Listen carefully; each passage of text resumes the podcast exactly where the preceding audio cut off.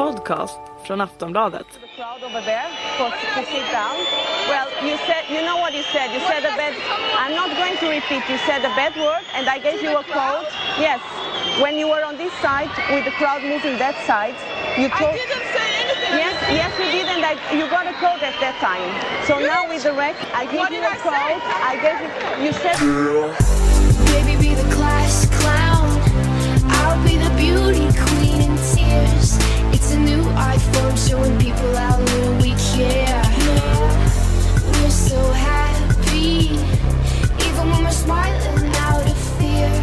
Let's go down to the tennis court and talk it up like yeah. Du lyssnar på Sportbladets tennispodd med mig Henrik Ståhl och Andreas Käck. Vi är ju mitt inne i en ny Mastersvecka. Den här gången är det Madrid Masters som ska avgöras. Eh, där har vi ju några tunga avhopp. Eh, Novak Djokovic, eh, Roger Federer på här sidan, Victoria Azarenka på damsidan. Hur påverkar det här lottningen? Eh, vilka får ses som, som de självklara favoriterna på herr respektive damsidan? Det här ska vi såklart grotta ner oss lite grann i. Ehm, I Nördkollen ska vi den här gången ehm, fördjupa oss i ämnet stjärnor som falnat. Och ta en titt på ett gäng spelare på ATP-touren och WTA-touren som varit väldigt hypade men som mer eller mindre försvunnit från radarn av olika anledningar. Avslutningsvis så ska vi ta en titt på vad som har hänt och vad som kommer att hända på svensk mark. Men vi börjar ju med Madrid, eller hur Andreas? Ja, det känns väl eh, ganska vettigt att göra med tanke på att den turneringen har dragit igång här. Det här podcastavsnittet blev försenat en eller två dagar kanske till och med. Eh, Precis. Men den har ju inte kommit igång på så vis så den har hunnit bli intressant än. Eh, Madrid. Det har varit väntade resultat hittills för i, i andra dagen nu när vi spelar in det här på, på tisdagen. Ja, så är det ju. Det har ju varit väldigt skrällfritt. ja, det har det varit både på herrsidan och damsidan. Eh, men eh, intressant, vi lär väl gå på det direkt, bortfallen. Djokovic fick vi besked om i söndags, tror jag väl att det var, att han Precis. kastar in handduken på grund av sin skada. Jag flaggade lite för det i senaste podden, att jag inte tror att han kommer spela någon mer innan franska. Och eh, jag står väl kvar vid det tipset nu också, även om han väl har för avsikt att, att spela Rom. Så, så tror jag inte att han kommer göra det. Eh, Vi, vi var ju väldigt rätt ute i den analysen för vi båda sa ju att, eh, ja, att eh, tidigast Rom, jag sa tidigast Rom i alla fall, jag trodde, trodde att ja, men det, det känns ändå rimligt att han ska kunna komma tillbaka till Rom. Ja. Men eh, vi båda uteslöt väl egentligen Madrid. Och det blev ju så trots att han faktiskt kom till Madrid och var spelklar. Ja. Men sen kände efter. Och, alltså det känns ju som att det här är en eh, försiktighetsåtgärd från honom. ja, alltså egentligen borde vi kanske ha blivit mer förvånade över att han anmälde sig till startlistan för att han är ju trots allt fortfarande skadad. Eh, jag, jag tror jag, jag tror han chansade lite grann och, och liksom vänta in det sista utifall för det är ju en, eller var, en jättestor chans för honom att eh, ta in poäng på Nadal. Kanske inte bli världsetta redan den här veckan men åtminstone eh, börja käka ikapp det där försprånget som ju inte är så jättestort. För det här är ju en turnering där han har chans att eh, plocka in poäng på, på Nadal. Precis. Det var ju, han hade ju faktiskt också till och med en teoretisk chans att bli världsetta. Ja. Om han hade vunnit Mm. medan Nadal eh, åkte ut tidigt. Jo. Så hade han ju kunnat gå om redan. Även om det inte hade varit så troligt kanske. Mm. Men, eh, ja, men visst, och det, det ger ju också Nadal lite andrum. Ja, turligt för Nadal får man ju säga. Det kommer ju lägligt för honom. Eh, vi, vi kan väl kliva på Nadal lite senare. Jag, vi får väl anledning att prata rätt mycket om honom, som vi alltid gör Ja, i precis. den här podcasten. Men eh, om vi bara nämner lite kort att det blev klart idag, tisdag, att Federer också kastar in handduken. Eh, precis. det, har- det, det, det är ju inte på grund av skada utan för att hans fru inom kort föder deras tredje barn.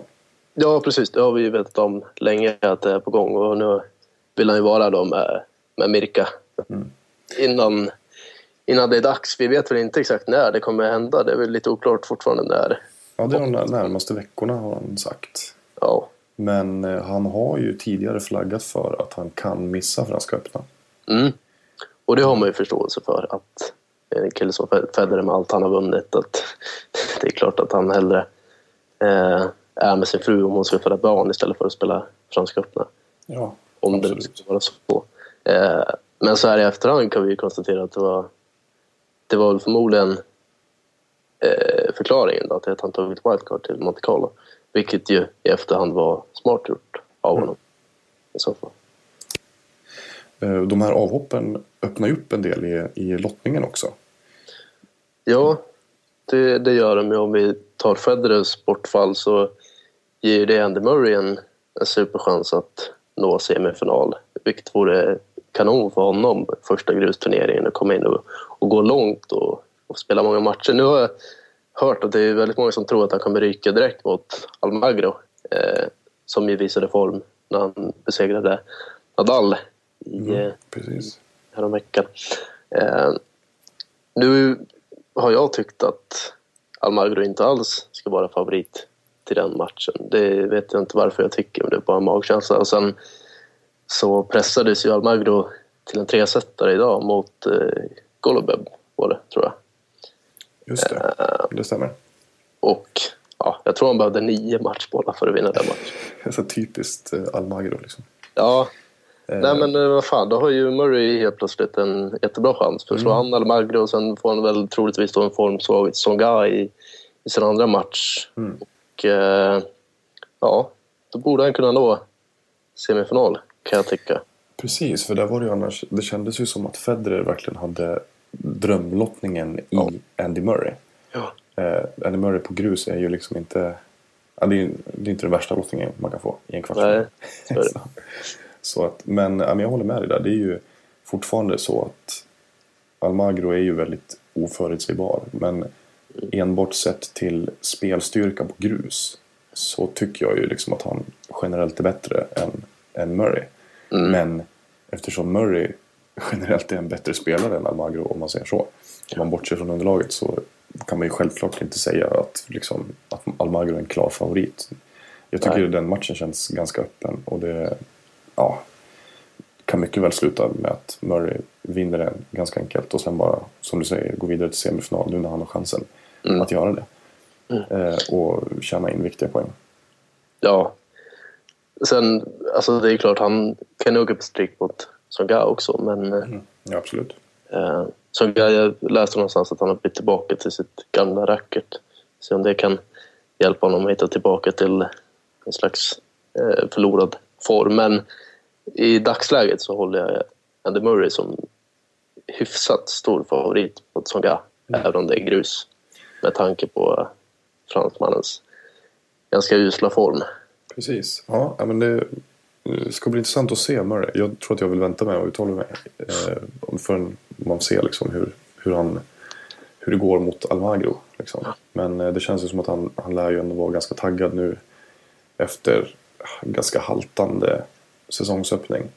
Så vill han väl ändå på något sätt börja gasa igång här nu. Det är inte jättelångt kvar till, till grässäsongen. Nej. Så att, och där är det ju... ehm, vi kan ju ta det lite kort här. Att vi nämnde ett scenario, i, eller jag nämnde ett scenario i förra podden. Mm. Typ att om, om Andy Murray skulle vara, bara vara kvartsfinalsidad i Wimbledon.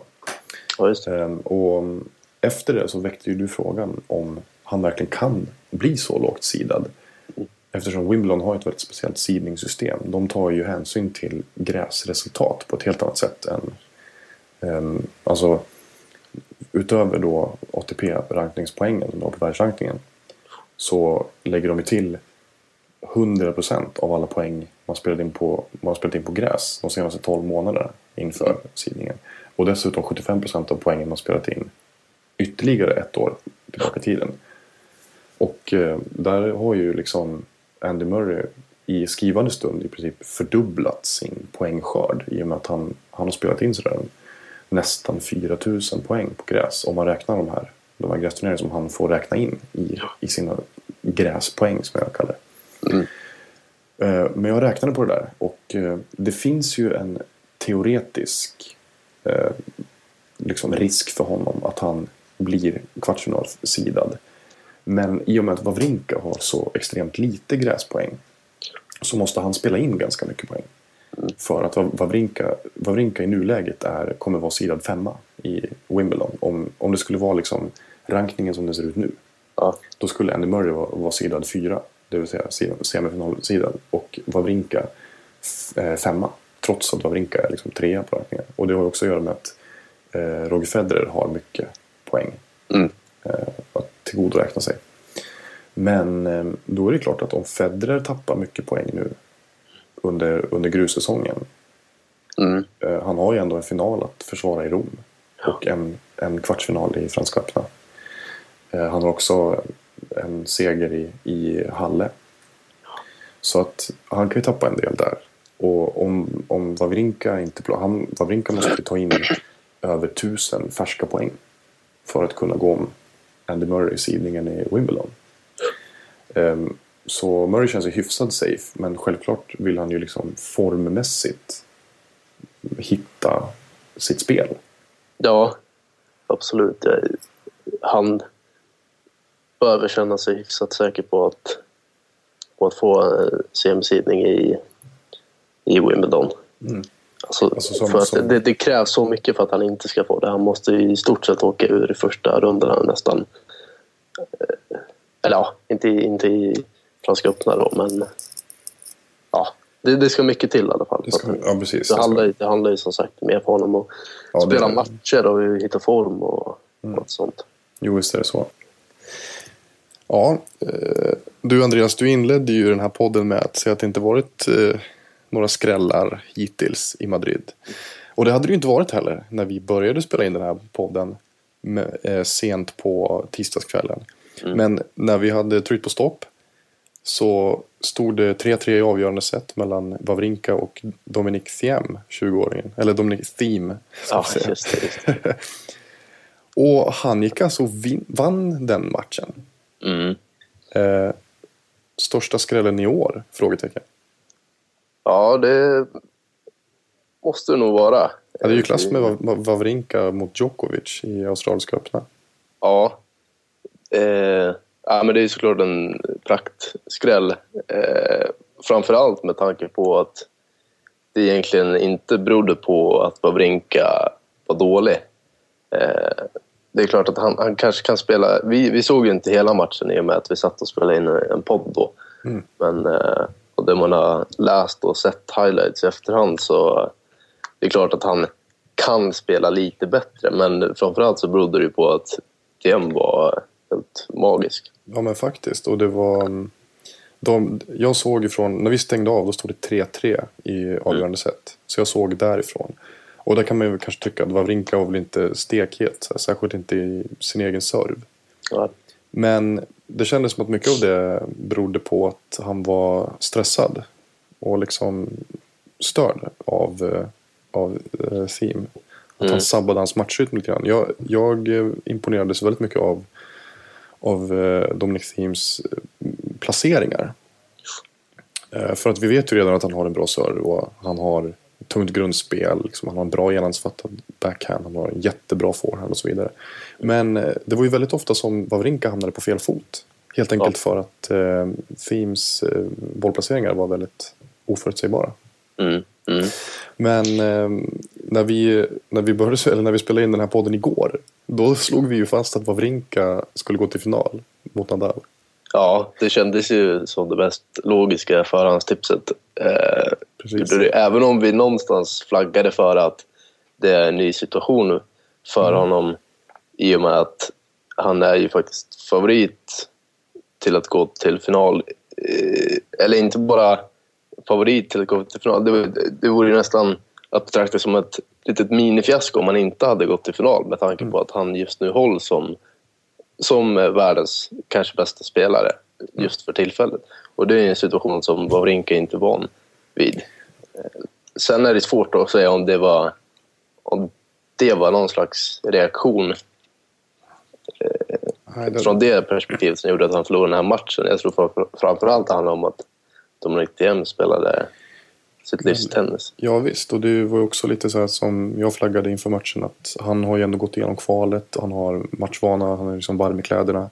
Wawrinka går in och gör sin första match mot en, en spelare som är erkänt skicklig, som är i ropet och som faktiskt kan gå in och bara spela helt utan hämningar. Vilket han uppenbarligen gjorde i andra och tredje set. Enligt vad jag har läst så och vad han, så som han själv beskriver matchen så var det att han hade problem med att hänga med i Wawrinkas tempo i första set. Men sen liksom vande han sig och kom in i matchen och då liksom blev han bättre och bättre. Och framförallt tycker han själv som han skrev på Facebook att, att hans serv eh, blev mycket stabilare. Och det var liksom nyckeln för hans seger på något sätt. Ehm, men ehm, jag tycker också, vi, vi har ju pratat ganska mycket om honom i den här podden. Ja, det har vi. Mång, väldigt många fick upp ögonen för honom egentligen redan i somras. När han eh, slog Jürgen Melzer i Kitzbühel. Tog sig till kvartsfinal där. Och sen framförallt då när han tog set mot Songa i Wien. Mm. Men ehm, visst känns han som en av de hetaste unga spelarna just nu. Absolut. Sen eh, tror jag inte att han kommer ta sig till semifinal nu. Utan jag misstänker att det blir som vanligt att det kommer en reaktion. Kanske redan direkt. Han kommer få Jusjny eller Lopez i åttondelen. Och det är ganska stor risk att han torskar den matchen oavsett vem man möter. Det brukar kunna vara så. Att när man har liksom stått för sin karriärs största seger eh, så kommer det en motreaktion direkt efteråt. Exakt. Men det är intressant i alla fall för det rör ju om i grytan i den undre halvan eh, som ju redan är ruckad av att Djokovic har hoppat av. Mm. Eh, Visst är det så. Och där eh, är jag benägen att peka ut eh, Kei Nishikori. Vilket jag faktiskt redan gjorde igår. Som Mm. en av de hetaste finalkandidaterna just nu. Eh, vi, som sagt, vi var ju båda eniga om att Wawrinka skulle gå till final. Men eh, jag pekade ut Kei Nishikori som, som en, en, liksom, en utmanare. Vad säger du om det? Eh, jo, men det, det är jag nog beredd att hålla med om. Eh, Ferrer får väl ändå hållas som favorit att gå till semifinal. Alltså sett till oddsen. Mm. Eh, men jag, jag tycker också att Nishikori har en jättebra chans. Han möter ju Raonic nu i åttondelen. Och det är klart att det är inte lätt. Nu är de på hög höjd också och det gynnar ju Raonic ännu lite mer med tanke på hans serv och så. Då. Mm. Och eh, det som också talar emot Nishikori är ju att han i stort sett genomgående under sin karriär har haft de tendenserna att han har svårt att följa upp framgångar. Eh, han vann ju i, i Barcelona och tidigare i karriären så har det varit så att när han väl har vunnit en turnering så har han hamnat på dekis i ett par veckor efteråt sen. Men eh, nu känns det inte riktigt som att han är där. Det känns som att han har tagit nästa steg. Och så har han ju fått, eller fått, han har tagit en vilovecka inför den här turneringen också. Så att, och att döma av hur han såg, såg ut mot Garcia Lopez i öppningsmatchen så såg han ju inte sliten ut whatsoever. Just det, det, så, var, ja, det var hans andra match faktiskt. Han mötte ju Ja, Todeg det. i första. Där var Ja. han ju också liksom, han, har, han körde ju över båda de två. ja, precis. Eh, Jag menar, Garcia Lopez har ju, har ju varit i fin, fin form senaste veckorna. Och är ju erkänt eh, bra grusspelare. Mm. Så att, eh, ja men sen är det också att liksom Nishikori har ju, har ju bra inbördes statistik mot Raonic. Eh, han gynnas också utav den här höga höjden för Nishikori generellt gillar ju att spela på snabbare underlag liksom. Mm. Men jag håller med dig om att sett till oddsen, det, det är ju Ferrer liksom. Han har ju störst erfarenhet. Han är ju liksom grusräven nummer ett av de här spelarna. Men eh, det är ju väldigt intressanta matchups. Vi har ju Alexander Dolgopolov som slog Fabio Fognini mot Ernest Gulbis som slog eh, Jerzy Janovic. Eh, De slåss om en kvartsfinalplats. Mm. Och, ehm, den- Och vinnaren där kommer ju med största sannolikhet få möta Marin Cilic i Precis. Exakt. Och där skulle man ju vilja säga att eh, Dolgop- Dolgopolov eller, eller Gulbis har liksom störst chans att, eh, att eh, skrälla mot Ferrer. Mötas där. Jag tror att de har större chans att skrälla mot det än Marin Cilic på grus. Liksom. Ja, det tror jag. Men oavsett vem man får så kommer man få en jävligt tuff eh, kvartsfinal. Eh, och alltså Ferrer Mm. kommer få en tuff kvartsfinal. Och sen Absolut. så, så um, får han ju med största sannolikhet Istner i åttondelen och det är inte helt lätt heller. Jag var inne på det, att det är hög höjd och de här storservarna gynnas ju av det, att bollen far lite mer snabbt i luften. Så det är ju inte alls omöjligt att han ryker antingen i åttondelen eller i kvarten, men han har ju också en förmåga att vinna matcher. Det är ju det som har gjort att han har varit i toppen så länge. Att han krånglar sig förbi sina motståndare. Precis. Om vi tittar på den övre halvan. Eh, i, I originalversionen av den här podden så lyfter du fram Andy Murray. Mm. Eh, I och med att Roger Federer har hoppat av eh, eftersom han fått barn. Mm. En dubbel-dubbel. Han har alltså Mm. fått tvillingar igen. Ja, det är helt sjukt. Det är helt sjukt. Dubbelspecialist. Ja. Nej, men... Ja, det, det är ju... Det är bra för, för Murray, för det ger honom en, en superchans att nå semifinal. Eh, det är många som har snackat om att de tror att Almagro kommer slå Murray ganska enkelt med tanke på Almagros eh, för tillfället fina form Mm. och att Murray har varit borta så länge och det är ingen som vet riktigt var han är någonstans. Eh, jag är inte alls säker på det. Jag sa det igår också när vi spelade in podden. Att eh, jag hade personligen haft Murray som, som favorit, favorit oddsmässigt. Eh, och det, den övertygelsen blev ju knappast mindre när man såg Almagro möta Golubev i öppningsmatchen. Han behövde nio matchbollar för att vinna den matchen. En tresetare. Så han, typiskt impo- Almagro. ja, han imponerade ju inte alls. Så det känns som att han ramlar tillbaka lite grann i, till si- sitt vanliga jag. Eh, för det är ju den segern mot Nadal som har gjort alla så övertygade om att han ska avfärda Andy Murray enkelt. Men det tror jag inte alls kommer hända. Eh, så jag räknar med att Murray slår Almagro och då kommer han få en form svag som Ga i nästa match. Eh, så han har gett chansen att nå en semifinal och det vore bra för honom. Och, och direkt när han kommer tillbaka efter det här uppehållet och i säsongens första grusturnering. Att, bo- som ett statement både mot honom själv och mot alla andra kollegor slash konkurrenter att eh, han är tillbaka. Eh, Jag är väl kanske lite mer osäker om du på att eh, Murray verkligen tar sig förbi Almagro. Eh, Jag tycker det känns som en ganska öppen match ändå. Dels med tanke på Murray att han inte riktigt har hittat tillbaka till liksom sin... Han har inte hittat sin form än efter ryggoperationen. Eh, Sin comeback liksom. Men alltså Almagro, han är också en av de mest oförutsägbara spelarna på touren. Mm. Ehm, Så han, han kan ju lika gärna gå in och liksom göra en kanonmatch igen, som han, som han gjorde mot Nadal. Ja.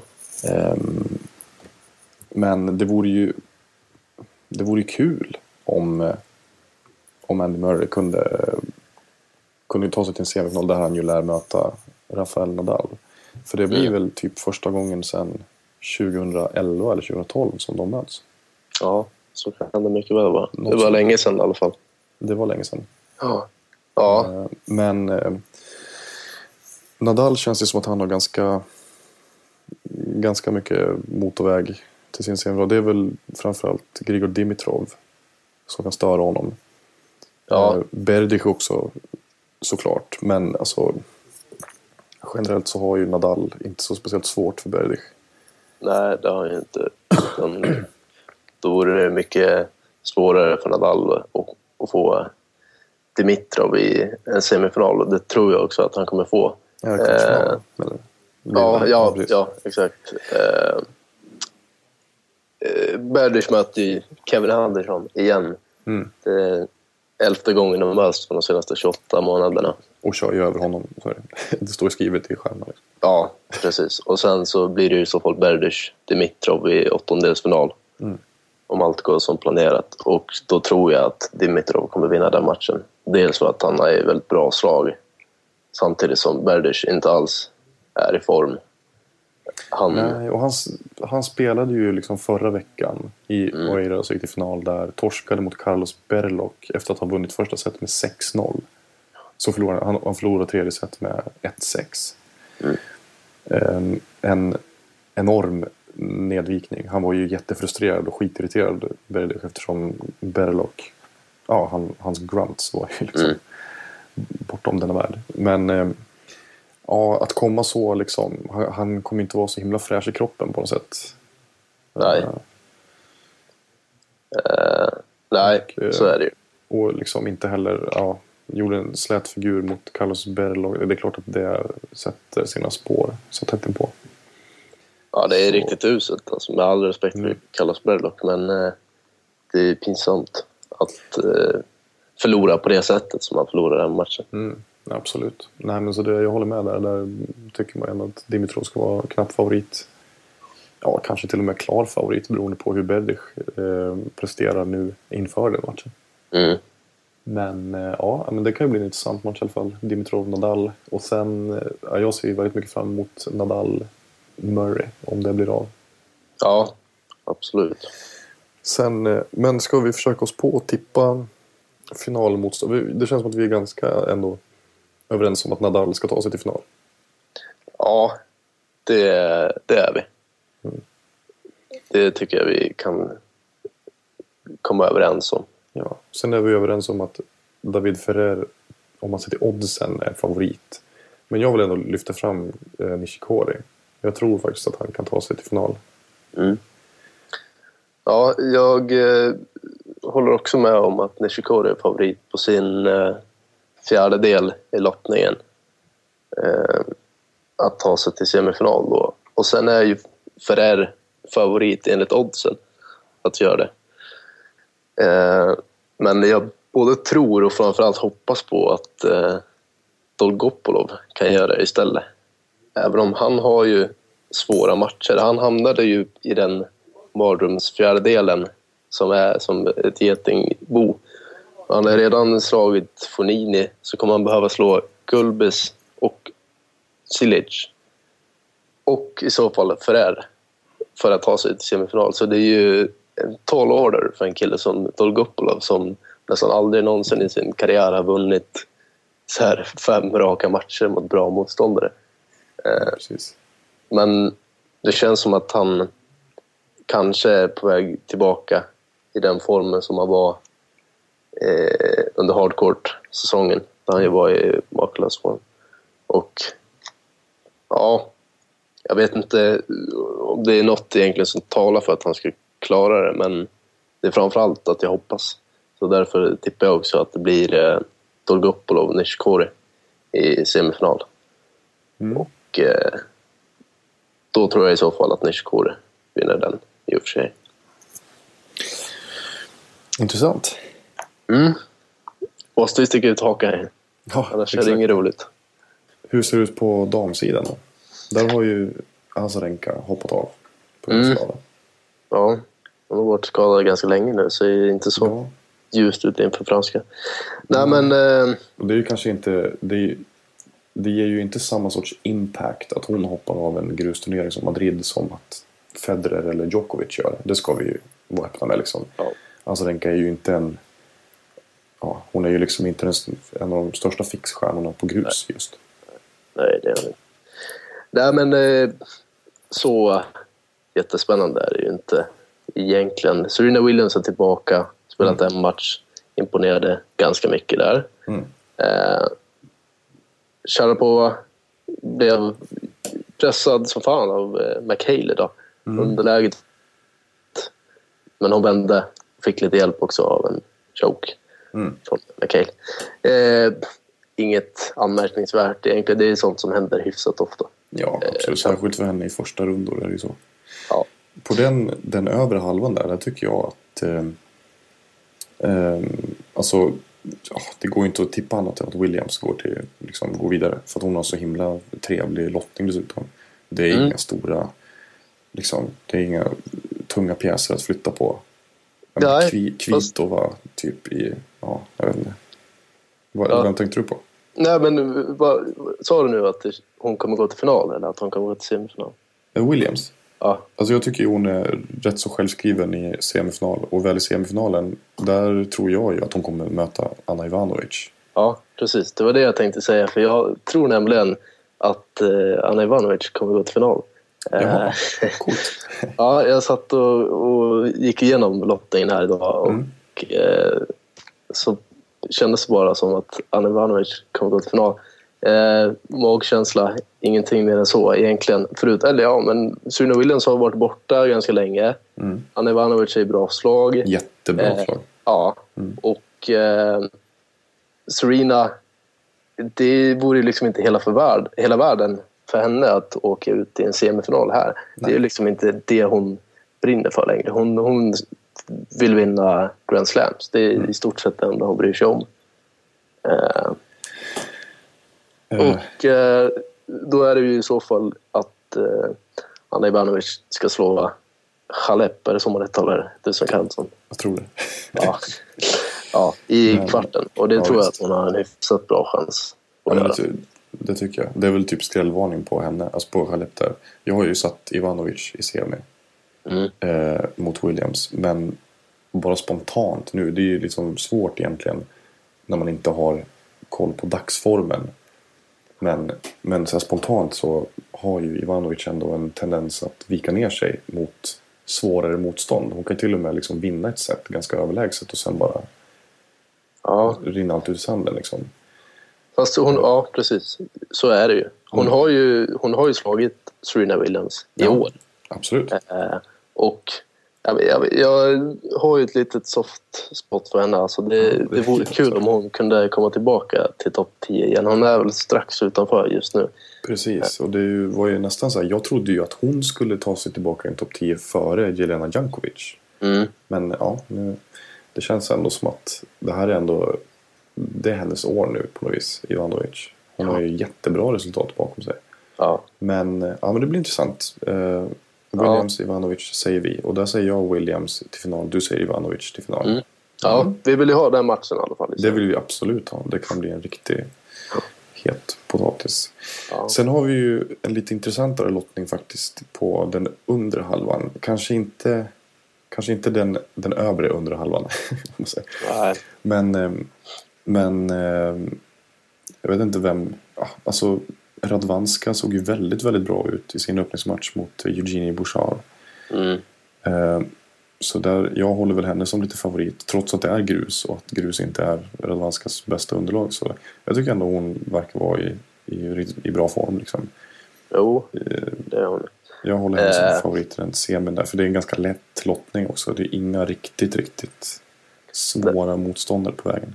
Nej, det är ju Erani i så fall. Och eh, de är ju lika i spelstilen på så sätt att båda är defensivt inriktade. Och, och Radvanska är ju en mycket bättre spelare.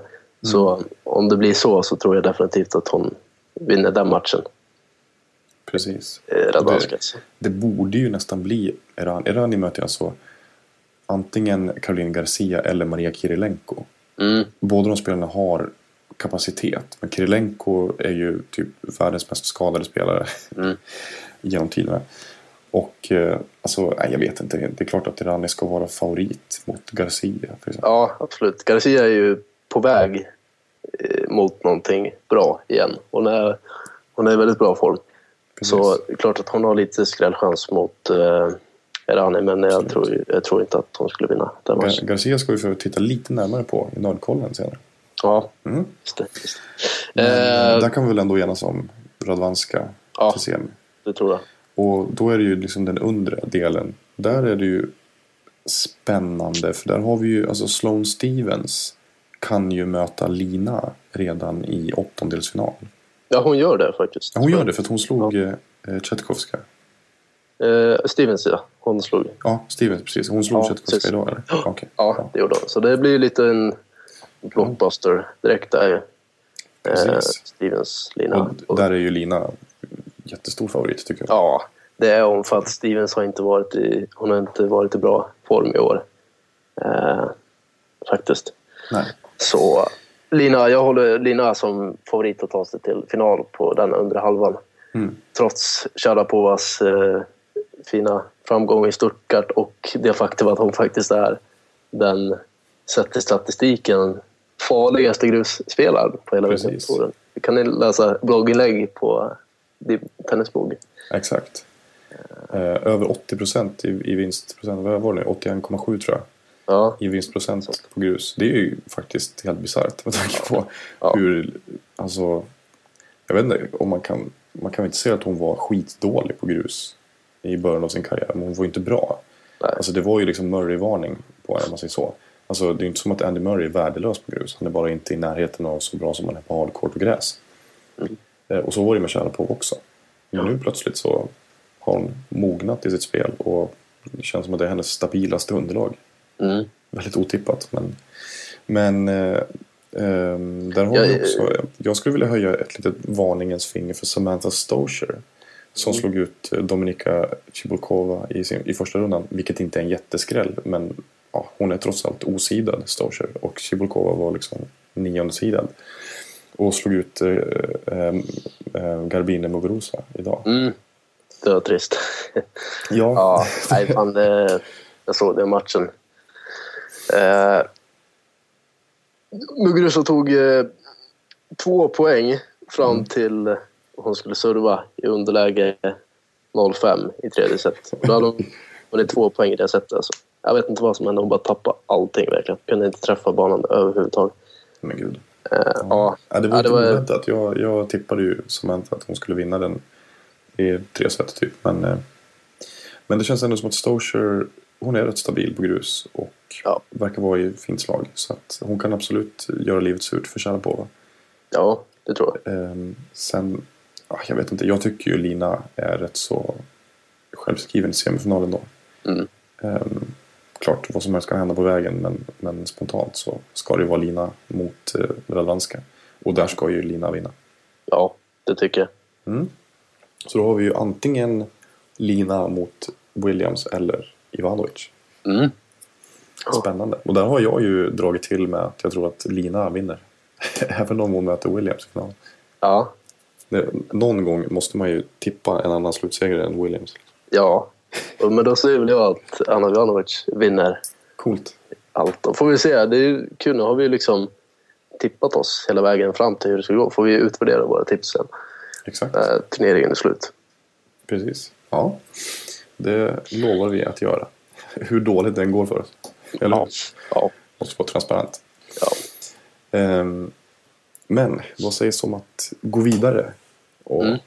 fördjupa oss i stjärnorna som falnat i veckans nördkoll. Mm. Ehm, och då är det alltså, vi har plockat fram ett gäng namn som har varit väldigt hypade på olika sätt. Kanske, alla har väl kanske inte pekats ut som, som blivande världsettor, men ändå hypade. Och sen mer eller mindre försvunnit från radarn. ja. Ska vi börja med VTA-touren?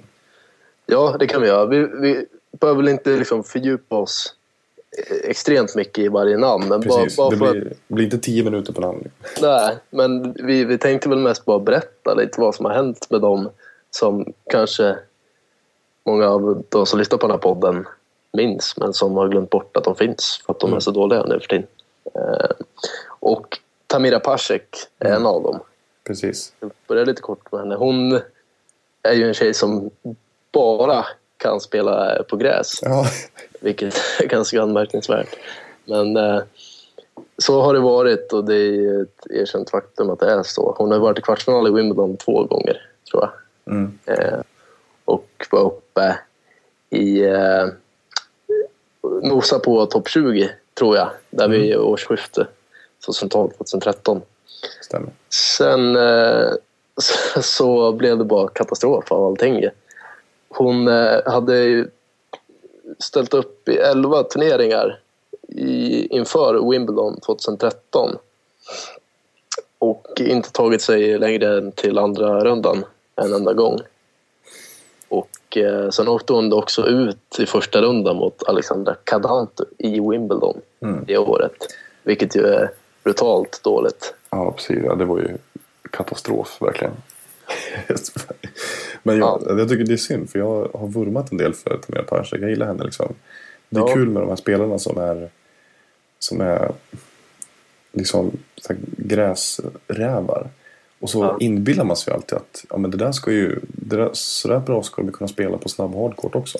Mm. Men, men Parsek hon, hon kan inte spela Nej. på något annat än gräs typ. Ja, det, är, Det- det... det är helt sjukt. Det är oerhört intressant. Ja. Eh, och vi går vidare Ja. så har vi ju en av dina Ja, favoriter. jag ska bara säga, alltså, hon spelar mest Futures nu för tiden och är nere på 178 på rankingen. Ja, precis. 20 år gammal så känns det som att tåget har gått lite grann för henne va? Lite så faktiskt. Ja. Synd, men ja. så, så blir det ibland. Eh, inte riktigt lika dåligt har det kanske gått för en av dina favoriter. Tänker du på hon som är från Holland? Exakt. Ja, jo, det har du nog fan gjort. Är det så? Arantxa Rus pratar vi om. Precis. Vändare som är född eh, 90. Då är hon också 24 förresten. Mm, precis. Eh, en tjej jag trodde rätt mycket på för några år sedan. Hon var rätt mycket på gång sommaren 2012 och rankade 60 någonting. Eh, gick långt i Franska öppna det året. Fjärde rundan tror jag. Och eh, levde väl lite på den rankingen ett tag. Fick spela många turneringar eh, på grund av sin ranking. Men eh, när hon förlorade i Wimbledon 2013 Mm. så var det hennes... Hon förlorade i första rundan där. Det var hennes sjuttonde raka förlust på WTA-touren. Och det är tangerat rekord. Är det. Ja, det, ja, det är klass med Donald Young. Ja, det, ja, men det är ju kanske... Nej, hon kan inte tangera ett WTA-rekord med Donald Young. Det blir lite svårt. Eh, ja, nej, men hon håller ju till på future, future-nivå nu också och gör inga resultat där heller. Tyvärr. Eh, väldigt så avig spelstil, konstig backhand. Väldigt fladdrig. Eh, men jag tyckte mig se något i henne, men jag hade fel. Nu är hon rankad 154. Usch. Det, det är jobbigt. Ja. Så har vi ju Petra Martic också. Mm. 23 år gammal. Så hon, ja, de, är, de är ju liksom inte lastgamla de här personerna. Men, men ändå. Så här, det är ändå när det går så här åt fel håll. Eh, så, här, så, så här oerhört mycket åt fel håll. Då tar det ganska lång tid att hitta tillbaka. Ja. På något sätt. Och där har vi ju just Petra Martic. Hon, hon var ju uppe på topp 50. Mm. Eh, efter att hon tog sig till fjärde, alltså till åttondelsfinal i Franska öppna 2012. Och då var hon, var hon rätt hypad. Hon var ju ganska hypad innan också. Ja, hon var det. Eh, och, eh, hon, är, hon är 23 nu. Jag tror inte att det är för sent. Även om hon är absolut inte en spelare som jag tar upp nu om någon skulle fråga mig. Liksom, har du några så up and rising Nej. spelare? Men eh, hon var jävligt på gång hela första halvan av säsongen 2012. Eh, och eh, jag tror mig jag har hört någon kommentator säga att hon var WTA-tourens Roger Federer. För att hon, ja, det var ju sjuk jämförelse, men hon är, hon är väldigt så här, komplett i spelstil och eh, nätt eh, touch och liksom läser spelet på ett fint sätt. Och hon är väldigt komplett, men hon har, fick plötsligt bara svårt att vinna matcher. Eh, men måste ju nämna en grej om vi pratar om Petra Martic. När hon var i sin första final, det var ju i början av 2012 där, i Kuala Lumpur. Precis. Jag minns det här så väl för jag satt och följde den turneringen slaviskt för att jag var sjuk från skolan. Eh, men, men då skulle hon möta Isie i final. Men grejen var att det regnar ju alltid i Kuala, Kuala Lumpur. Det gör det varje år. Så semifinalen mot Jelena Jankovic spelades över två dagar för att det var regnavbrott. Så hon fick spela klart semifinalen och typ tre timmar senare spela final. Si. Och eh, det gick till tre set och hon kastade in handduken i underläge 4-1 eller något sånt i tredje set. På grund av utmattning. Alltså, fattar du? är din första final på WTA-touren Mm. och tvingas ge upp på grund av utmattning. Det är ju rätt Det är hårt alltså. Ja. Ja. För då tänkte du hur jävla slut du måste vara för att kasta in handduken när du är i din första final. Liksom. Ja, shit. Alltså det, var, det var surt. Då tyckte jag synd om henne. ja. Men nu är hon rankad eh, 95 ba. Ja, precis. Så hon är inte helt stekt. Liksom. Hon kan ju fortfarande få spela WTA-tävlingar då och då. Absolut. Eh, Men hon måste kämpa för att ta sig tillbaka. Ja, ja så.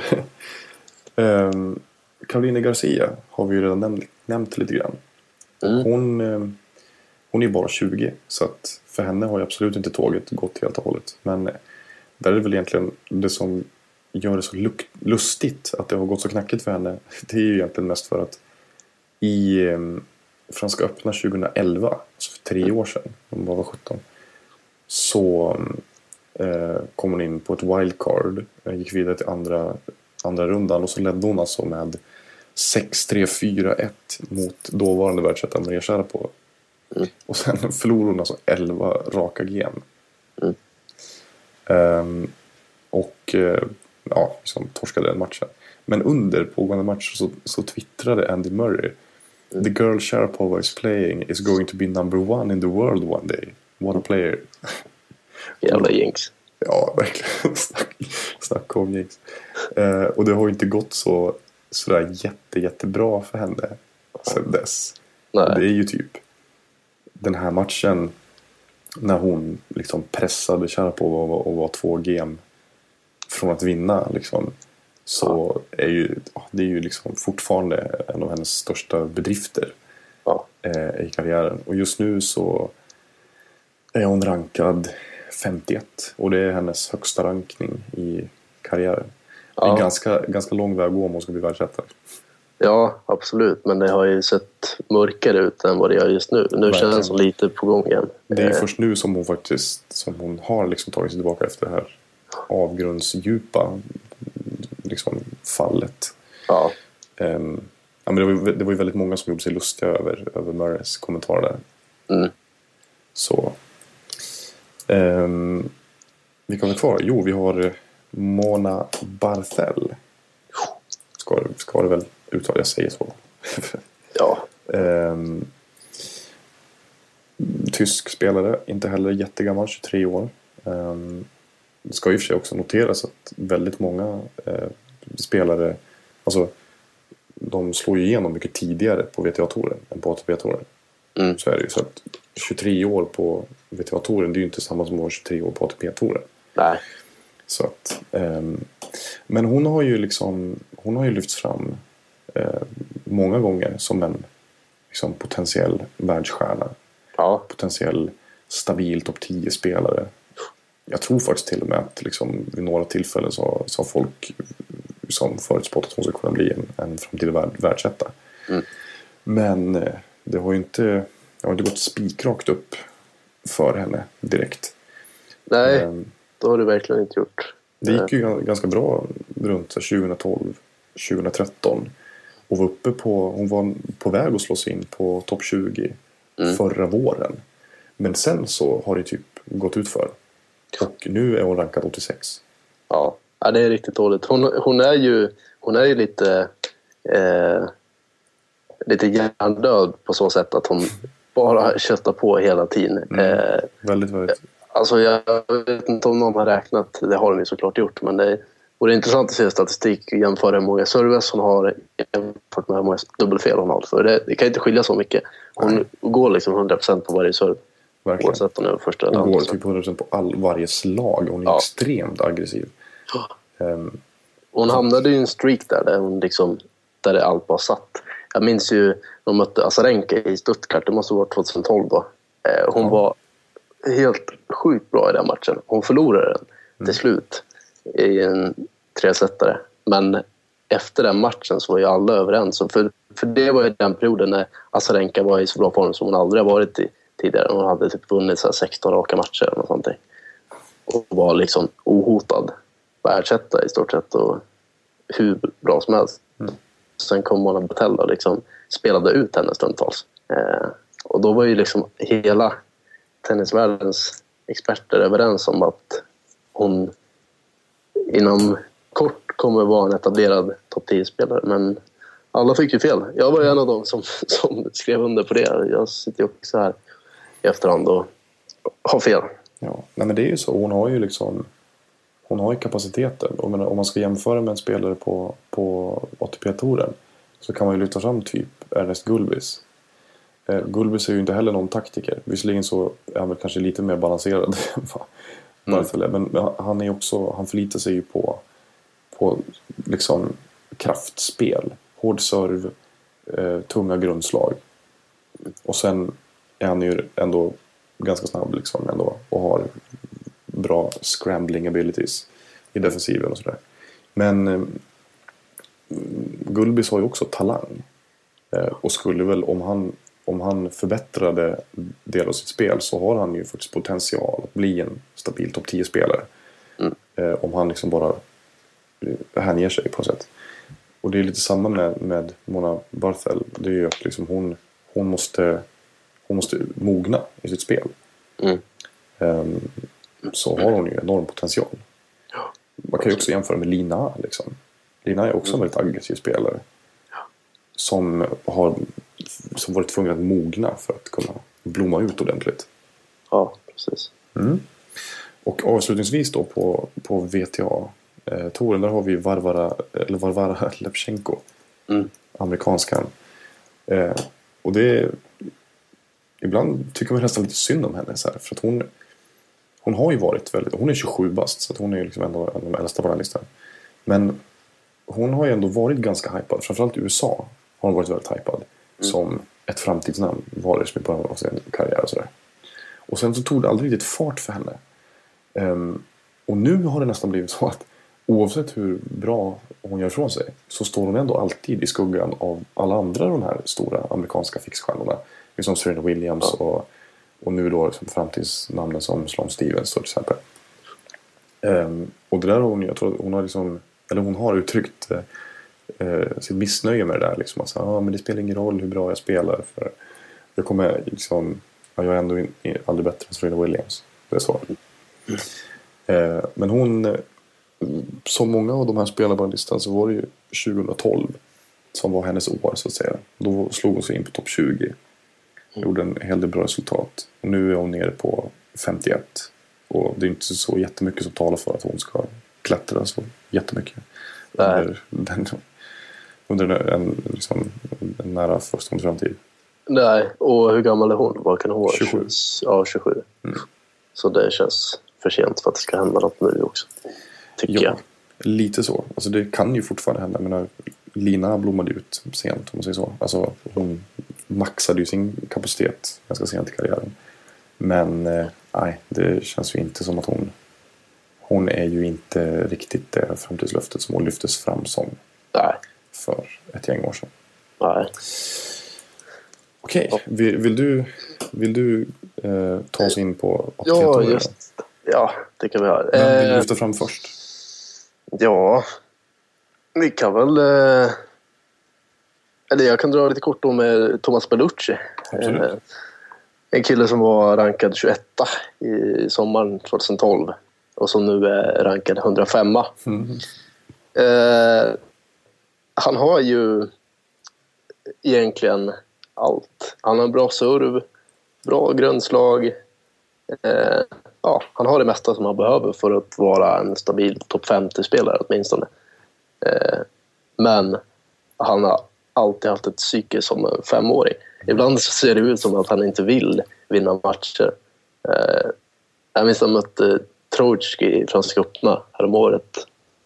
Om det var förra året eller två år sedan. Mm.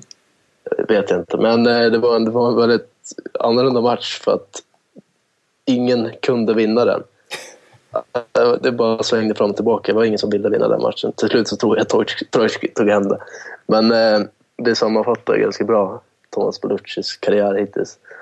Han har jävligt bra saker, bra verktyg. Men eh, det som saknas är en skalle. Mm. Och därför tror jag att det aldrig kommer hända något. Han är också 26 år gammal nu. Så det,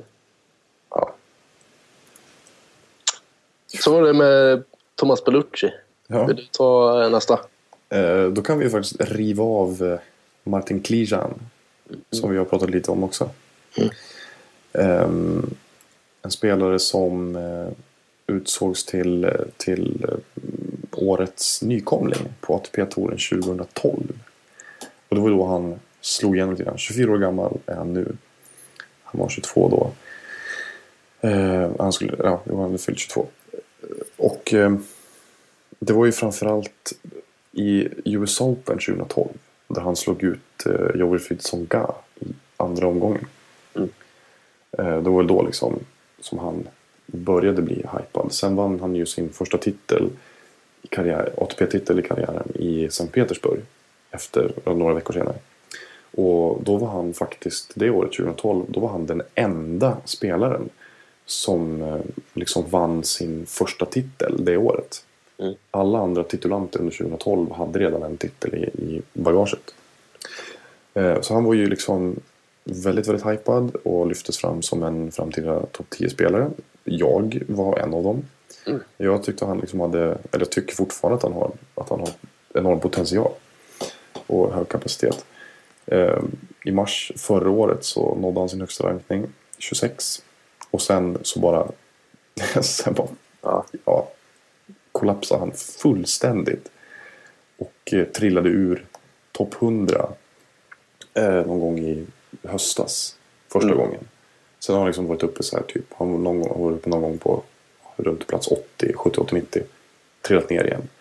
Eh, inför eh, inför eh, Oeiras förra veckan. Så Por- Portugal Open. Eh, var han rankad 111. alltså, eh, gick, gick genom kvalet. Väl?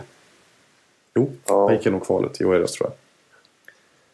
Eh, och vann alltså sin andra titel i karriären. Återigen efter att ha finalbesegrat Fabio Fognini. Mm. Du ser. Och nu är han, nu är han rankad 62 i, i världen. Och är väl kanske, kanske förhoppningsvis på uppgång igen. Ja, det hoppas vi lite på. För, och där, han gjorde ju ett misstag som väldigt många gör. Till exempel Donald Young har gjort det misstaget. Ryan Harrison har gjort det misstaget. Eh, vi får se om Jack Sock gör det misstaget också. Och det var att när han fick den här eh, framgången, plötsliga framgången. Då slutade han spela Challengers helt och hållet. Mm. Och gick direkt liksom rakt in på ATP-touren. Och det är väldigt, väldigt tufft att göra det. Även om du har potential, du har kapacitet och du är en duktig spelare. Och liksom du har gått långt i vissa turneringar. Att, att bara helt liksom klippa av Future och bara, bara köra ATP. Det är en jättesvår omställning. Och det är liksom det är väldigt många spelare som inte klarar av den, den förändringen. Klijan är en av dem. Så, Ja, det finns många exempel på, på. Väldigt, väldigt många.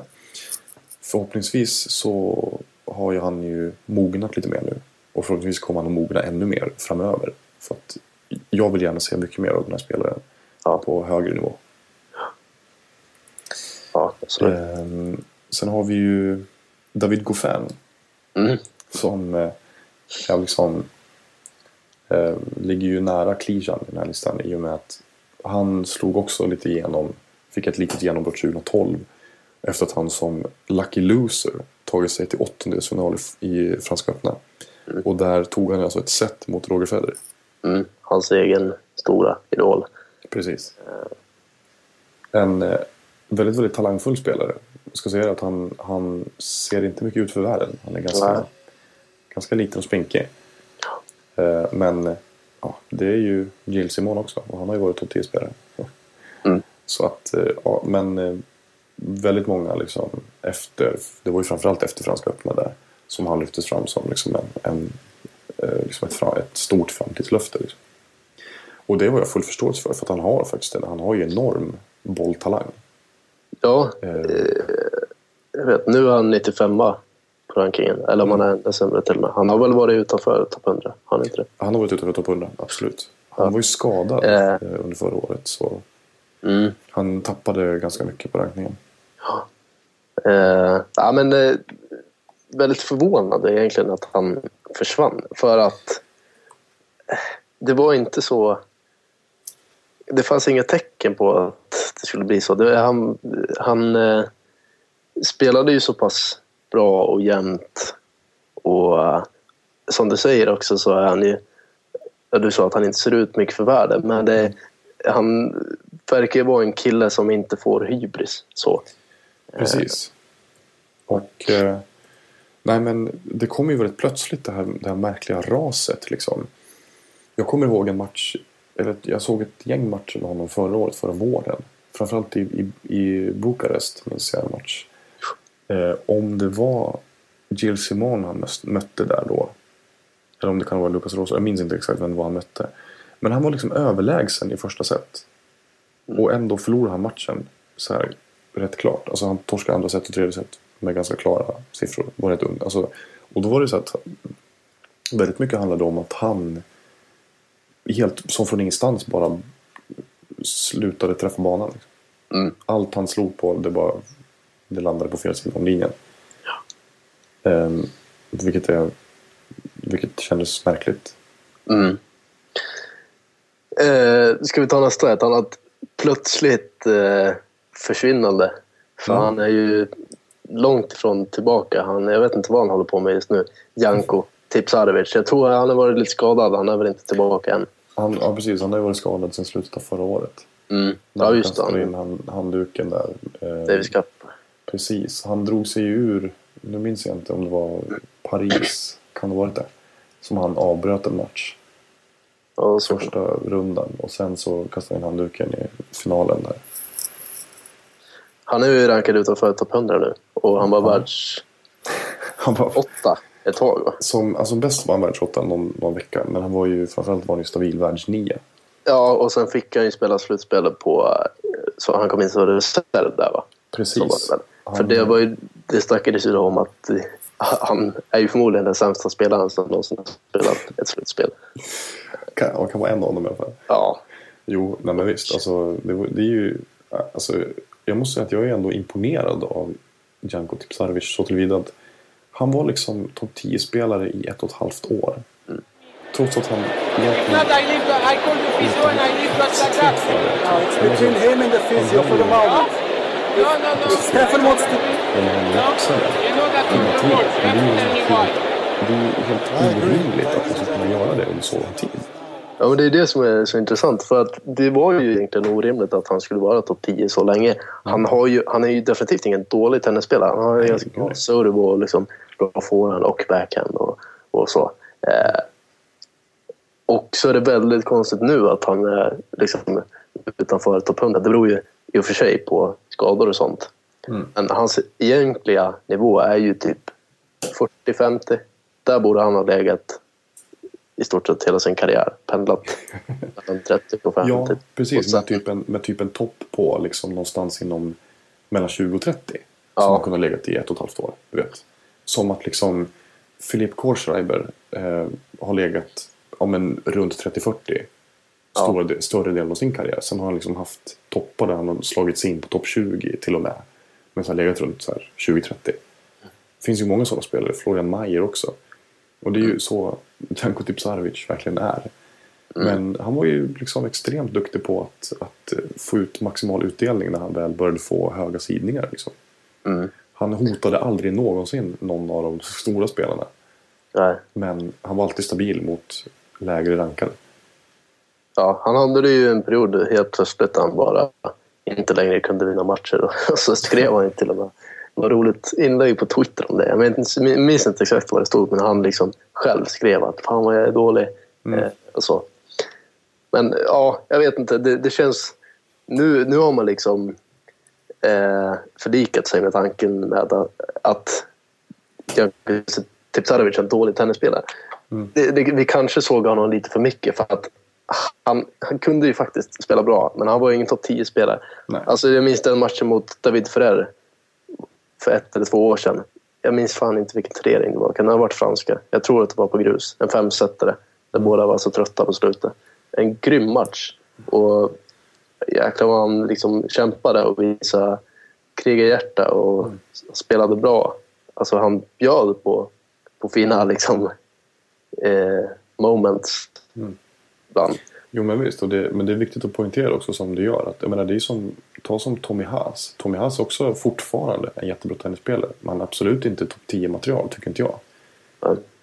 Det är han ju inte. Alltså jag tycker att liksom, det är ju liksom en sensation egentligen att han har tagit sig så högt upp som 12 och liksom sniffat på en eh, topp 10-plats.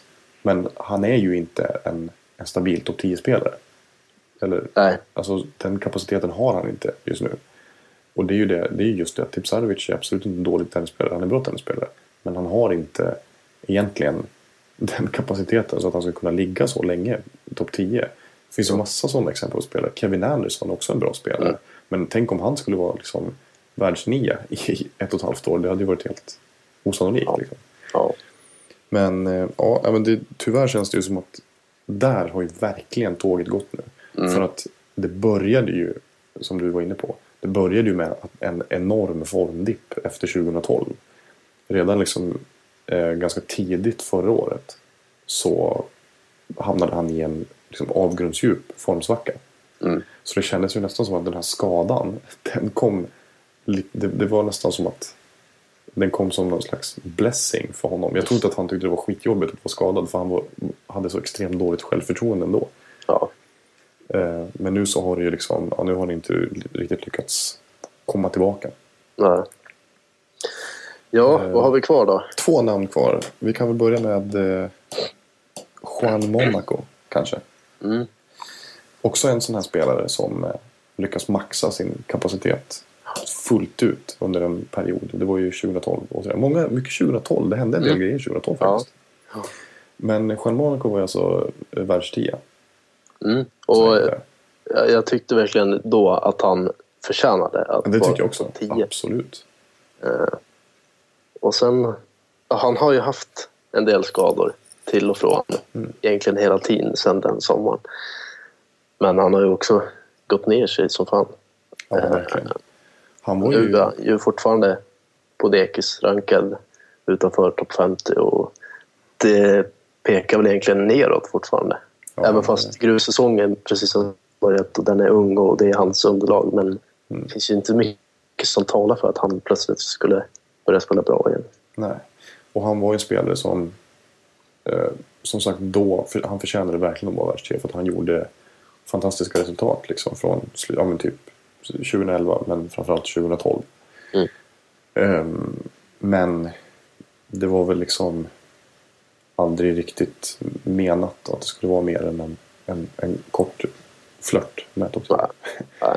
Men det är trist att han, har, att, det har liksom, att han är så himla på dek. Jag tycker ändå att han borde kunna hålla sig inom topp 30. Alltså du vet, ligga och skvalpa någonstans vid 20-strecket tycker jag.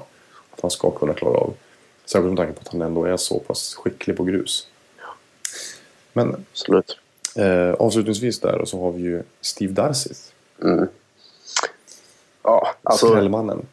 ja, det är ju det man minns honom för. Alltså, det var säkert många som inte visste vem det var innan han slog Nadal i Wimbledon. Och det är ju inte så att...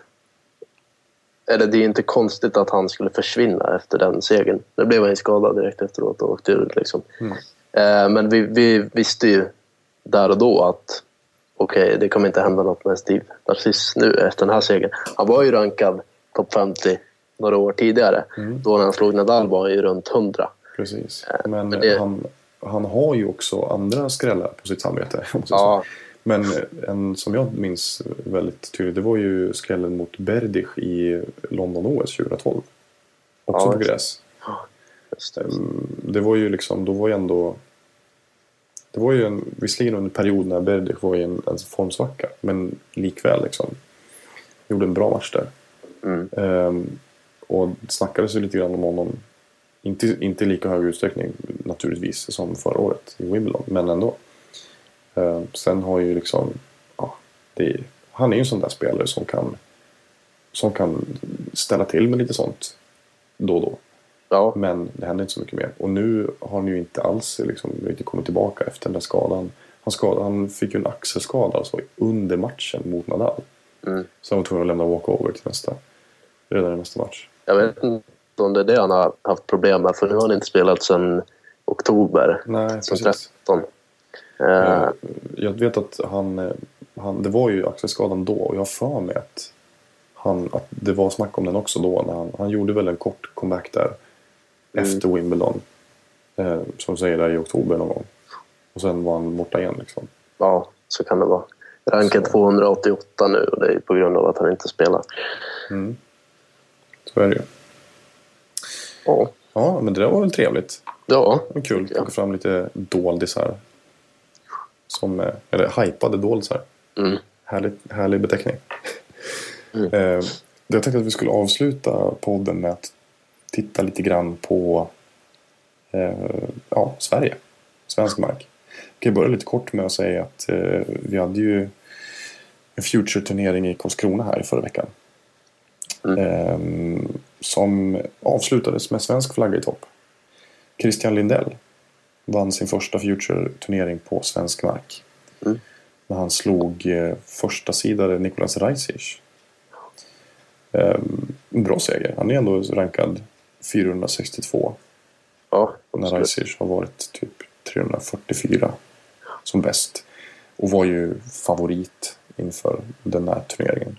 Ja, ja. Eh, Jag såg faktiskt matchen för att eh, semifinalerna och finalen sändes Mm. Eh, via Sportsverige. Jätte, fantastiskt, jättebra liksom. Ja, men, så för att vara på den nivån. Jättebra ljud, eller bild menar jag. Och dessutom live-kommentering. Live-kommentator. ja, det var Det var- fem plus. Ja, verkligen. Jag såg Absolut, eh, semifinalen bara. Och du, du såg eh, Lindell mot eh, Leskovic, eller? Ja, exakt. Samma här. Eh, kul match. Jag, blev ju, jag fick ju tips om att liksom hålla koll på Leskovic. Mm. Eh, för att det finns några eh, tenniskunniga som lyfter fram honom som typ Sveriges bästa spelare just nu. Mm. Eh, efter att ha sett den här semifinalen så skulle jag vilja påstå att det är Christian Lindell som är det. Mm. Med, såklart med brasklappar att ja, hur ska man typ jämföra Christian Lindell med till exempel Elias Ymer? Ja, och, Man skulle ju behöva se dem spela mot varandra. Liksom. ja, och eh, vill han spela Davis Cup för Sverige, Mm. Christian Lindell? Exakt. Jag vet inte vad, han liksom det har traktar han. sig själv som. Han twittrar ju på portugisiska och han har ju Jo, bytt nationalitet till Brasil, brasiliansk förut. Nu är, nu är han svensk. Eh, han, eh, nej, men han, han gick ju tillbaka till Sverige efter en kort session. Liksom, i, alltså, Om man ser till... Alltså han, han representerar Sverige sedan typ Mm. 2012. Han försvann en, en kort sväng eh, och spelade för Brasilien. Men eh, han, ja, han tycker liksom att, att Sveriges, Sverige är mycket bättre. Alltså Svenska Tennisförbundet är bättre. Mm. Ger honom bättre stöd. ja, okej. Och eh, jag tror att om, om han får frågan från Fidde så vill han nog spela eh, Mm. för, för Sverige i Davis Cup. Absolut. Ja. Och där är ju han ju eh, högaktuell ja, det får man ju säga. efter det här resultatet. Mm. Eh, Det borde nästan eh, Leskovic vara också. ja, Eh, det vet jag att Fidde har sagt också med tanke på hans form. Att han, han är... Han och, och då är vi ju i så fall på, på det stadiet att man ska byta ut Rosenholm och eh, kanske Arvidsson. Mm. Eller, Absolut. Jag menar, Leskovic han körde ju över Arvidsson i Karlskrona. Mm. Och nu ska vi se, var det Lindell som slog Rosenholm i Karlskrona? Nu blir jag lite osäker. eh, ja, Jag vet att Rosenholm... nej, det var det inte. Rosenholm fick stryk av... Eh, Leskovic, så var det. så var det ja. Just det, Leskovic slog Rosenholm i, i raka set. Lindell slog Daniel Windahl. Mm. En annan lovande ung spelare. Ja. Mm. Men eh, ja, men det var ju kul. Absolut kul. Väldigt kul att eh, Leskovic nu, enligt egen uppgift i alla fall, har börjat satsa på sin tennis igen fullt ut. Mm. Han har ju, alltså dels har han ju haft en del skadeproblem i karriären. Och förra året så spelade han väl typ en tävlingsmatch. Mm. Tror jag, som han förlorade. Och ja, sådär. Nu, det känns väl som att nu är det väl lite sista chansen för honom på något sätt. Det var bara han, 26 eller vad? Ja, 26-27 någonting sånt. Ehm, och han har ju Ja. liksom varit förhållandevis högt upp. På, på, nu är han ju rankad utanför topp 1000 liksom. Men eh, Ja, nej men absolut. Eh, Det, det är inte för sent. Nej. Och det känns som det är dags med en eh, liten rokad i DC-laget, tycker jag. Precis. Ja, men det, ja, det kan jag hålla med om. Vi kan väl nämna det också att eh, det spelas tennis i Båstad just nu. Exakt. Och att... Eh, eh, Bröderna Ymer möter varandra. precis. Det är ju spännande. Ja, det är kul. Eh, Mikael tog ju sina första ATP-poäng här. Exakt. Han slog ju Jakob Adaktusson 6-2-6-3. Så nej, det, det får vi hålla lite koll på här parallellt med Madrid. Är Verkligen. Ja, men det där är ju ja, extremt kul. Marcus Eriksson är ju eh, toppsidad i Båstad. Mm. Så jag spelar som heter Bastian Trinker, eh, andra sidan. Christian Lindell, tredje sidad. Det är ju en hel del svenskar, återigen. Och det är precis så som det ska vara. Ja, absolut. sagt. Men, eh, ja, nej, men det ska vi absolut hålla koll på. Det ska bli väldigt intressant att eh, se Ymerbröderna, deras framfart. Ja, Du har lyssnat på Sportbladets tennispodd med mig, Henrik Ståhl och Andreas Käck. Eh, om du vill höra av dig till oss med eh, feedback eller förslag på ämnen att ta upp så kan du göra det via mail, antingen via eh, fornamn.efternamn.aftonbladet.se eller Twitter eh, under hashtaggen Tennispodden till exempel. Ansvarig utgivare är Jan Helin. Hej då! hej då.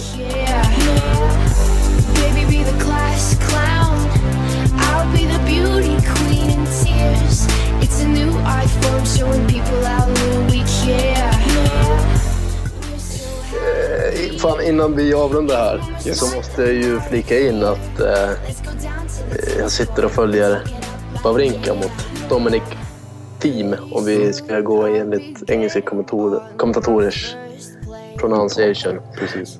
Då, eh, det- det är kvitterat i set och det står 3-3 i, i skiljeset här. Så det kan ju bli en fiaskopodd om Wawrinka ryker här i första omgången. Fiaskopodden. Ja, Den står då är det bara, bara steka den, kasta den i papperskorgen och spela in en ny imorgon. Ja, exakt. Ja. Nej, det ska jag inte göra. Inte riktigt. Ja, men det, nu måste vi ju genast avrunda eh, den här fiaskopodden och titta klart på Wawrinka Theme. Mm. Ja,